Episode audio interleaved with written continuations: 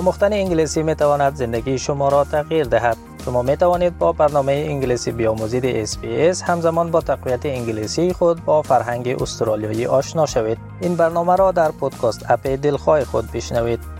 الیا بوال یک پناهنده سابق اهل سودان جنوبی است. او به عنوان یک کودک بدون همراه به استرالیا آمد و امروز یک جرمشناس و رئیس شورای جوامع قومی کوینزلند است. آقای بوال می گوید که سالهای اول زندگی در استرالیا برای هیچ پناهنده آسان نیستند. زیرا آنها به یک باره با محیط، مردم، فرهنگ و زبان کاملا متفاوت برمیخورند. Yeah, look, us uh, always has uh, many refugees. There's always challenges of you know finding uh, connecting in the new place. You know, uh, there's cultural shock. There's different people. There's language barriers. So all those things are challenges that you know every refugees or migrant will come to the country face. در طول سال 2023 انتظار می رود بیش از 17 هزار پناهنده در استرالیا ساکن شوند. اما این پناهندگان در حالی که برای سهمگیری در امور خانه جدیدشان آماده می شوند نسبت به سایر همسن سالانشان در جوامع مهاجر و جامعه اصلی استرالیا بیشتر با بیماری های روانی چون استراب، افسردگی و اختلال استرس پس از سانحه یا PTSD دست و پنجه نرم می کنند. دکتر ادوین جوزف رئیس شورای چند فرهنگی قلمرو شمالی استرالیا می‌گوید که این نتیجه مستقیم تجربیات آنها در زادگاهشان است. Especially if someone coming from a refugee background, they bring their own story with them, the story that consists of lot of trauma and stress. So they have an anxiety, depression, and everything they come here when it is a new land. They don't know their rights here, so definitely they face significant uh, mental health issues compared to their Australian peers.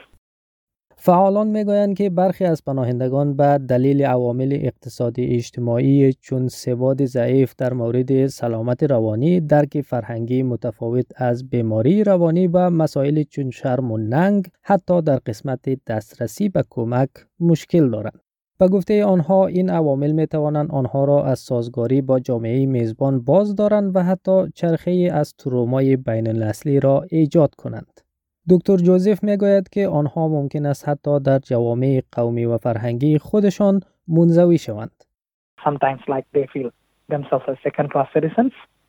It took a while for them to integrate into the community.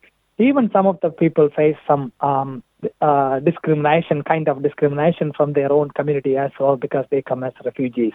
با وجودی که آسیب های گذشته و چالش های اسکان در کشور جدید برخی از محتمل ترین دلایل سلامت روانی ضعیف در بین پناهندگان دانسته می شوند در حال حاضر تحقیقات علمی محدودی وجود دارند که دلایل آن را ریشه یابی و راه حل برای بهبود سلامت روانی پناهندگان جوان ارائه کرده باشند اما یک پروژه تحقیقی 800 هزار دلاری در پی تغییر آن است. این تحقیق پیشگیری، مداخله زود هنگام و مدیریت سلامت روانی پناهندگان جوان را بررسی و چارچوب را برای بهبود زندگی آنها ترسیم خواهد کرد. آنا زیرش استاد دانشگاه فلندرز رهبری این تحقیق را بر عهده دارد. او می‌گوید که در نظر دارند با استفاده از منابع موجود در جامعه چارچوب را برای پیشگیری و درمان مشکلات روانی در پناهندگان ایجاد کنند. Our goal is to really uh, harness community resources and strengths and the information that we've got to look at developing a framework to look at prevention, support and ongoing programs. خانم زیرش می‌گوید که تحقیق آنها تمرکز خاص روی پناهندگان جوان 12 تا 25 ساله خواهد داشت. It's kind of a key point of people's development. You know, it's where a lot of kind of cognitive development is laid down and a sense of identity and, and autonomy is developed over that time period.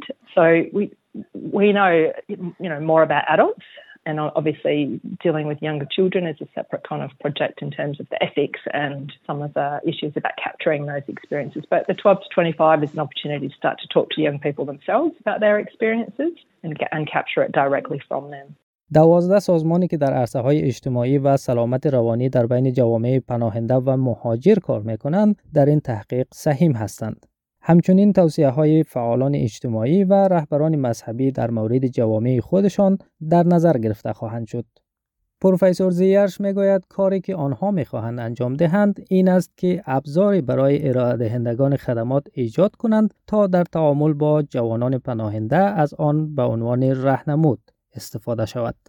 Wanting to do is develop a tool for um, service providers to use with young people to capture some of this information that they might need to know about a young person to know what supports are in place. So it's a, a social health screening tool what might what might a practitioner, whether it be a GP, a mental specialist mental health service, or a community organisation, that's the key outcome that we're hoping to to be able to disseminate, so that there is that tool for for people working with young people from refugee backgrounds.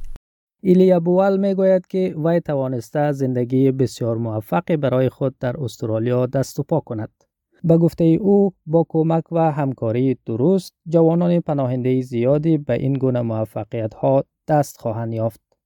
We talk about healing in, trauma and mental health. It's about that healing journey. And healing journey, you have to connect with people who will be there alongside you to support you, to listen to you. And I think listening and also to understand the the stigma that is connected with that, to simplify it and to normalize the trauma and the stigma tied to it. I think that's the journey that I went through, and I was able to really manage to be where I am today.